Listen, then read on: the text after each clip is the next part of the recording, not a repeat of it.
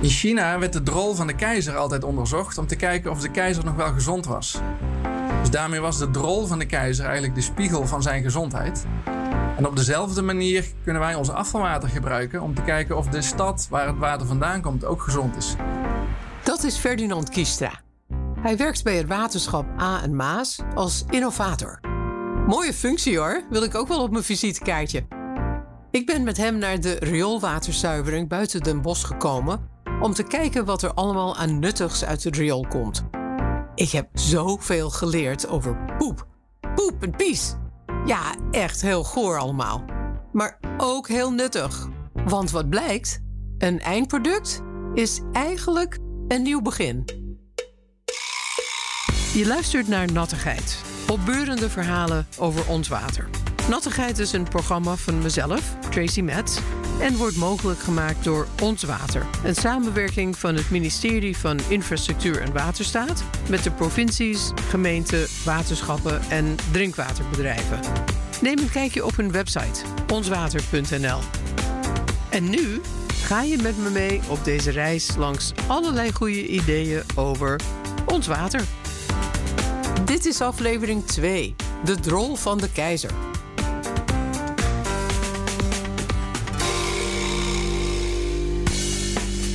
Gaan kijken naar producten uit de riool, laten we het eerst hebben over dat vermalendijde virus dat ons allemaal eindeloos in de greep houdt. Het coronavirus. Nederland heeft een programma voor Nationaal Rioolwatersurveillance, waarmee we in Europa voorop lopen. Dat houdt in dat we meerdere keren per week onderzoek doen naar het virus bij alle ruim 300 rioolwaterzuiveringen in Nederland. Ik had geen idee dat er zoveel rioolwaterzuiveringen in Nederland zijn. Laat staan dat we daar zoveel over de pandemie uit kunnen leren. Ik vraag bij het RIVM hoe dat werkt. Mijn naam is Annemaria de Rode Husman inderdaad. Ik werk bij het RIVM, het Rijksinstituut voor Volksgezondheid en Milieu. Ik ben daar afdelingshoofd. En daarnaast ben ik bijzonder hoogleraar bij de Universiteit Utrecht.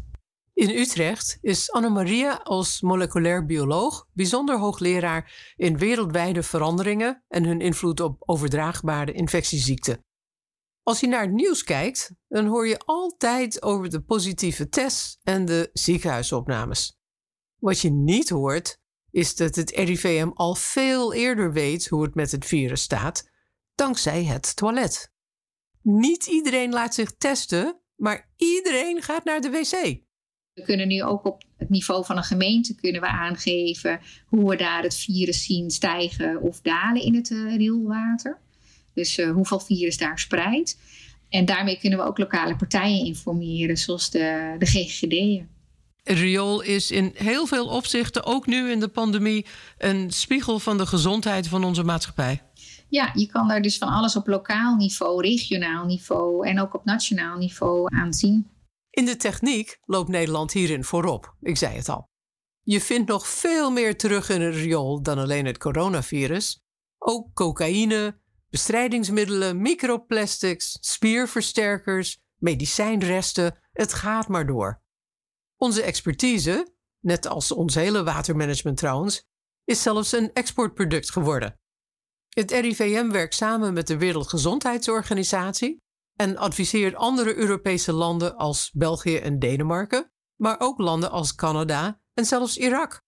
De EU is ook enthousiast. Luister maar. De Europese Commissie heeft aan de lidstaten gevraagd om een rioolwatersurveillance op te zetten. Ja, daar helpen we als Nederland ook uh, zo goed mogelijk mee om andere landen ook te helpen om die rioolwatersurveillance op te zetten en ook om de data te interpreteren en te duiden. En vooral ook de link te leggen tussen de watersector en de public health sector, de gezondheidssector. Omdat dat natuurlijk niet altijd uh, domeinen zijn die veel met elkaar communiceren in dit opzicht. Dus dat wordt heel belangrijk gevonden. Met Nederland voorop, dat zien we graag. ja. dat roept een interessante ethische vraag op. Wie is eigenaar van deze data, gewonnen uit jouw, mijn, iedereen's poep? Samengevat, bij het RIVM weten ze nog niet wat wel en niet ethisch is in deze kwestie. Waar de grens ligt tussen het belang van de publieke gezondheid en de privacy. Ik heb dit ook besproken met innovator Ferdinand Kiestra, die je aan het begin van het programma hoorde. Hij weet het ook niet. Niemand weet het nog.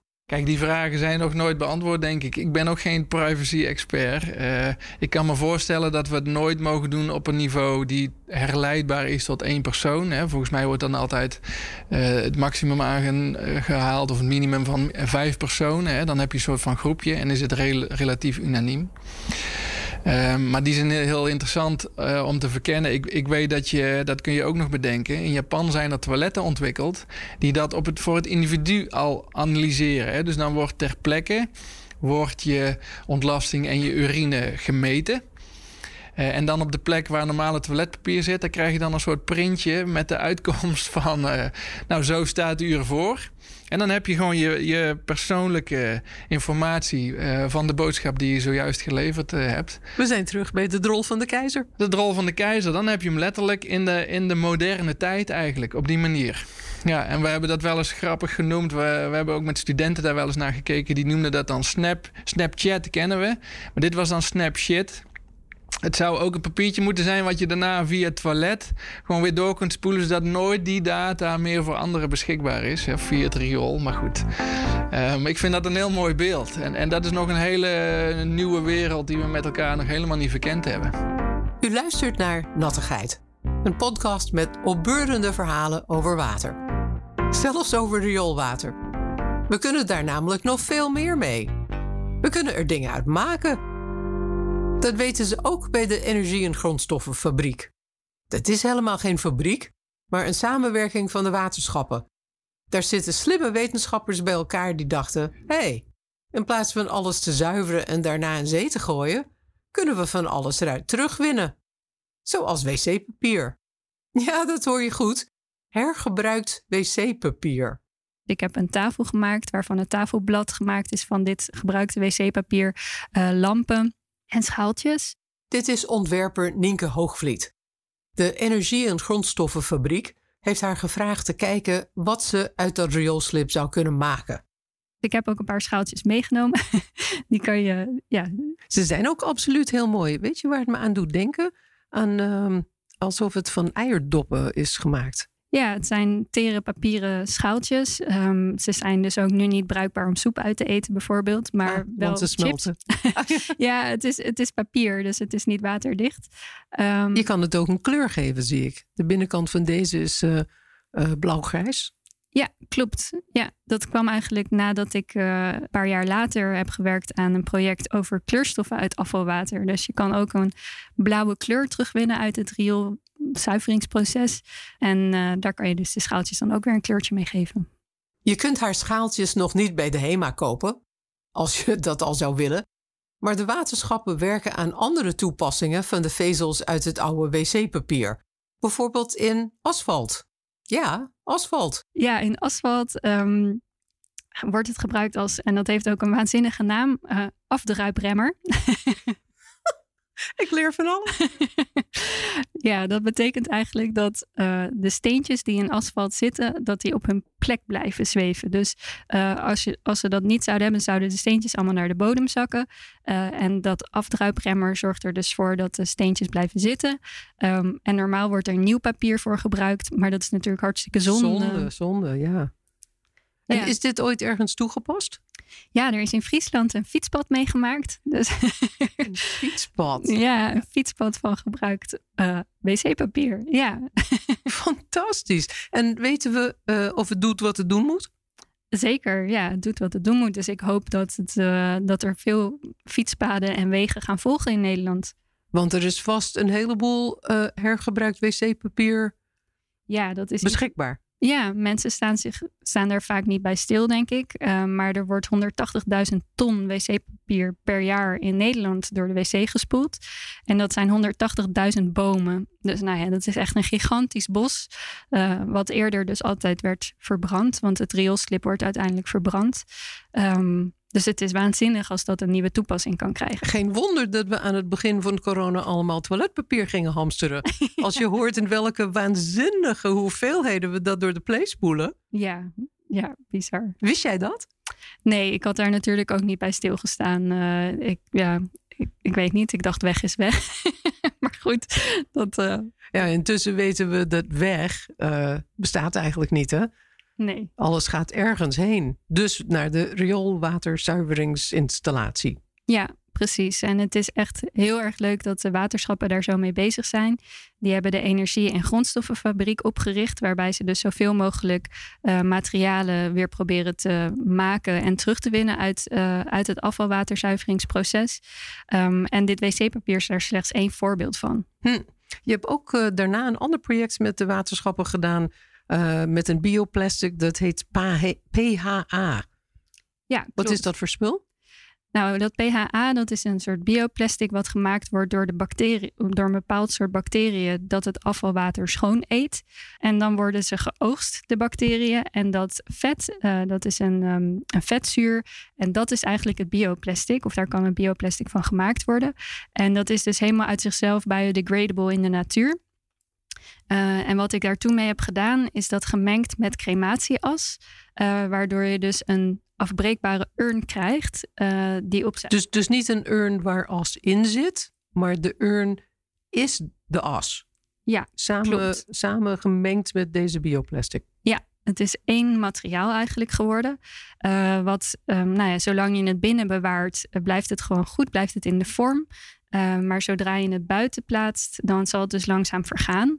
Um, en wat veel mensen ook niet weten, is dat nu uh, rondom begraafplaatsen en strooivelden is er problemen, zijn er problemen met uh, de vervuiling van uh, bodem en grondwater. Omdat mens, het menselijk lichaam bevat veel nutriënten, maar ook veel zware metalen. Um, en microplastics tegenwoordig ook, hè? Ook, ja. Ja, zeker. Dus dat, um, ja, dat is eigenlijk een probleem wat opgelost moet worden.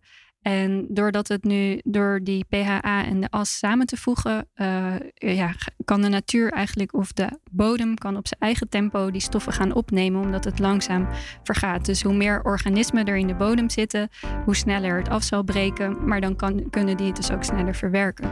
En op die manier voorkom je eigenlijk bodem- en grondwatervervuiling. Nu terug naar Ferdinand, Nienke's opdrachtgever. Met de energie- en grondstoffenfabriek halen ze bruikbare producten uit het riool als biogas, stroom, cellulose en bioplastics. Er zit goud in het riool. En misschien zit er zelfs wel letterlijk goud in. Maar uh, ja, er zitten hele mooie grondstoffen in het afvalwater. Uh, goud en cocaïne. Bijvoorbeeld medicijnresten, cocaïne. Ja, zeker in Brabant wordt dat veelvuldig teruggevonden. ja. Dat gebrom van grote machines dat je achter ons hoort, is het geluid van de rioolwaterzuiveringsinstallatie aan de rand van Den Bosch. Elke dag verwerken ze hier 50 miljoen liter afvalwater, waar ze onder andere 6 miljoen kubieke meter biogas uithalen. Maar ik zie vooral grote fabrieksgebouwen met dichte muren, hoge torens, tanks en een enorme zilveren bal, een gashouder. En echt lekker ruikt het hier ook niet. Het ruikt niet echt naar bloemetjes, nee. nee, het is een beetje zuur. Een beetje zuurige lucht. Ja. Wat ja. ruik ik? Ja, dus hier wordt al het afvalwater uit de hele regio behandeld.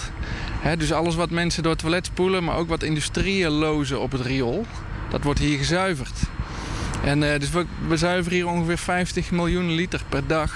Per dag? Ja aan afvalwater. En dat is eigenlijk wat je ruikt. Dat ruikt niet naar bloemetjes. Nee, dat klopt. Nee, nee. En als het eruit komt na de zuivering, ruikt het dan wel naar bloemetjes? Dan ruikt het een beetje naar potgrond, zou ik zeggen. Ja, dat, dat, is, dat, is, prima te hebben. Nog. Dat is minder erg. Ja, dat is prima. Ja. Heel natuurlijk.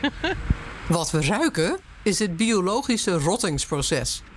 Die grote ronde tanks zitten vol afvalwater en bacteriën. Als die bacteriën zich hebben volgevreten, worden ze geoogst. Ja, dus het slip halen we eigenlijk uit het rioolwater. Dus we zuiveren dat. Dat gaat een beetje van grof naar fijn. Dus in het begin uh, vinden we ook nog wel tennisballen, dode ratten en dat soort spullen. Hè? Die komen natuurlijk via de put uiteindelijk ook in het riool. Ik weet niet of ik dit weten wil. en vervolgens is de hart eigenlijk een biologisch zuiveringsproces... waar we met bacteriën ook alle opgeloste bestanddelen eruit halen. En uh, die bacteriën, dat noemen we eigenlijk het slip, die groeien ook aan. En dat scheiden we af. En dat verwerken we dan weer hier in deze hele grote tanks die we hier achter ons zien staan. Wacht even, die bacteriën noemen we slip. Ik dacht dat slip een soort modder was. Het ziet er wel zo uit, maar feitelijk is dat onze biomassa die we hebben gekweekt in die, uh, in die biologische zuivering. Gekweekt? Ja. Ik mis iets. Dus- Dit moet je me even Dus uitleggen. bacteriën die eh, vinden al dat afval wat wij lozen, vinden ze heerlijk. Eh, die eten dat op en die vermenigvuldigen zichzelf. Het zijn net kleine mensjes eigenlijk in die zin. Eh, dus die verdubbelen vrij snel, zelfs elke 20 minuten. Ehm, dus dan kun je je voorstellen dat dat een enorme hoeveelheid wordt die we moeten afscheiden. En die bacteriën die kun je zeg maar als room van de melk eh, afscheppen, stel ik me voor. Nou, het, het zweeft door het water heen en dat moeten we afscheiden eigenlijk in die hele grote bezinktanks die je net al even noemde, waar zo'n arm langzaam overheen draait. Dus daar zakt het uit naar de bodem en dan kunnen we het afscheiden. Oké. En met die bacteriën kun je ook iets, hè? Nou, die bacteriën die kunnen we dan vervolgens weer wat we noemen vergisten. Dus die stoppen we in hele grote tanks. We kijken nu naar die tanks, hè? Ja, klopt. Mooi geschilderd in eh vierkleurig grijs. Maar ondertussen, en daar staan eh, enorme roestvrijstalen pijpen tegenaan. Het is allemaal van een maat. Echt Ja, dit- hier zit indrukwekkend. twee keer 4 miljoen liter in. dus dat zijn behoorlijke volumes. En eigenlijk wat hier plaatsvindt is dat die bacteriën, die, die rotten hier in deze tank. Dus het, hoop dat iedereen zijn ontbijt gehad heeft, want het wordt minder, eh, Minder smakelijk. misschien. Eh, maar in dat, bij dat rottingsproces, daar komt gas vrij. Biogas noemen we dat. En dat is eigenlijk methaan. En methaan is hetzelfde gas als waar wij thuis op koken. In die enorme zilveren bal slaan ze dat biogas op voordat ze het verkopen. En ze verkopen het aan best wel bekende klanten. De ene afnemer is Heineken. Die zit hier een paar kilometer verderop. En die gebruikt het om zijn stoomketels te verwarmen. En de andere afnemer, die zit precies aan de andere kant. eh, Een kleine 100 meter, daar zit de gemeentelijke afvalstoffendienst.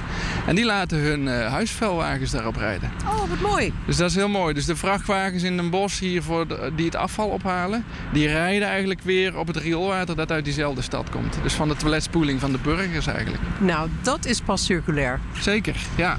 Eh, Ferdinand, jij werkt bij de waterschap A en Maas. En jij hebt de mooiste functieomschrijving die ik ooit heb gehoord. jij bent innovator. Ja, klopt. En een van de innovaties die jij hebt helpen bedenken... is de energie- en grondstoffenfabriek. Ik dacht natuurlijk, oh, dat is een echte fabriek. We gaan de fabriek bezoeken. Maar dit is helemaal geen fabriek. Wanneer is de energie- en grondstoffenfabriek begonnen? Ja, dat is begonnen in 2008, 2009 zo'n beetje. Toen leerden we dat we meer energie konden opwekken op onze rioolwaterzuiveringen dan we eigenlijk zelf nodig hebben voor ons productieproces. Oftewel, toen konden we netto energie gaan leveren eigenlijk aan andere partijen. Precies zoals we hier ook op de zuivering Den Bosch doen. Dus alles wat we hier zien op het terrein van de rioolwaterzuiveringsinstallatie eh Den Bosch... is energie-neutraal. Deze zuivering is energie-neutraal. Dankzij Zeker. Wat uit de riool gehaald wordt. Ja, Wauw. Dus met al het organische stof en materialen die via de riolering binnenkomen, kunnen wij meer energie opwekken dan we zelf nodig hebben. Ja, dus, Hoe werkt dat? ja, dus vanuit stroom, of sorry, vanuit biogas kunnen we ook nog een motortje laten draaien. En als we die motor dan een dynamo laten aandraaien, dan kunnen we ook stroom opwekken, zoals het op je fiets ook gebeurt. Eh, met een dynamo kunnen we stroom maken, dus dat gebeurt ook op veel zuiveringen. Dit is denk ik wel een bijzondere locatie waar we al het gas juist eh, aan andere partijen geven. Er zijn ook veel zuiveringen in Nederland die stroom maken en dat op het net zetten. Zodat andere partijen het dan kunnen gebruiken. Nou, geweldig. Dus we hoeven niet het hele land te plaveien met zonnepanelen... om nieuwe stroom op te wekken. Nee, precies. Gewoon ook goed Gewoon naar het toilet onze- blijven gaan. En Precies. Poep en plas. ja, Plas erop los. En Ja. dan voor de goede zaak. levert een goede boodschap voor eh, energieproductie. Ja. Ja, de grappen liggen voor het Ja, nee, zeker, je, je ja. hebt het allemaal al lang gehoord Och, natuurlijk. jee. Ja. ja. Verdienen we ook iets aan die producten uit het rioolwater? Dat verkopen, dat is nog wel een controversieel iets geworden. Mag een waterschap, een publieke instantie, geld verdienen aan ons eh, eindproduct? Ja, mooie vraag. En boeiend ook omdat we dit natuurlijk doen vanuit een publieke sector. Eh, maar ja, die producten die we maken, of het biogas wat we nu leveren bijvoorbeeld, hè, of de kunstmest die we eh, leveren, daar verdienen we ook aan. Dus de investeringen die we doen, die renderen ook echt. En dat maakt uiteindelijk dat de rekening richting de burger weer lager kan worden. Is dat ook zo? En dat is uiteindelijk ook zo. En dat eh, biogas waar je het daar net over had, eh, dat gaat naar Heineken en naar de gemeente. Daar rijden de vuilniswagens op. Ja. Verkoop je dat ook aan Heineken en de gemeente? Ja, ja, dus daar hebben we gewoon contracten voor. Maar het waterschap heeft dus, sinds we dit allemaal maken, ook een commercieel motief. Uh, commercieel, kijk, we willen er niet armer van worden, hè, zou ik zeggen. Uh, dus we doen dat op een slimme manier en met gezond verstand. Uh, maar het mooie is, vind ik ook, dat het er een stuk duurzamer van wordt. Dus de, de, energiebalans wordt veel beter. In dit geval de huisvuilwagens van de gemeente stoten ook veel minder fijnstof uit.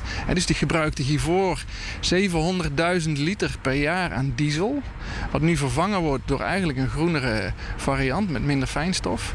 Dus we, we maken ook de wereld op die manier gewoon een stukje beter. En de portemonnee ook. En de portemonnee ook. Dus wat wil je nog meer? Dat is echt win-win-win. En daar zijn we echt naar op zoek. Maar ik kan me voorstellen dat het uh, wel aanleiding tot discussie geeft als een waterschap ineens verkoopbare producten heeft. Ja. Als publieke organisatie Absoluut. die wij met z'n allen met onze waterheffing. Ja, dus dan krijg je de, hè, wat is je rol en hoe ver gaat het ondernemerschap, hè, zou je kunnen zeggen, van een publieke sector. Dat, dat heeft ook echt hele boeiende discussies opgeleverd. boeiend, ja, heel boeiend. Ja, ik noem ze boeiend, omdat het natuurlijk een zoektocht is voor ons allemaal. Van uh, hoe gaat het werken, tot hoe ver gaat zoiets.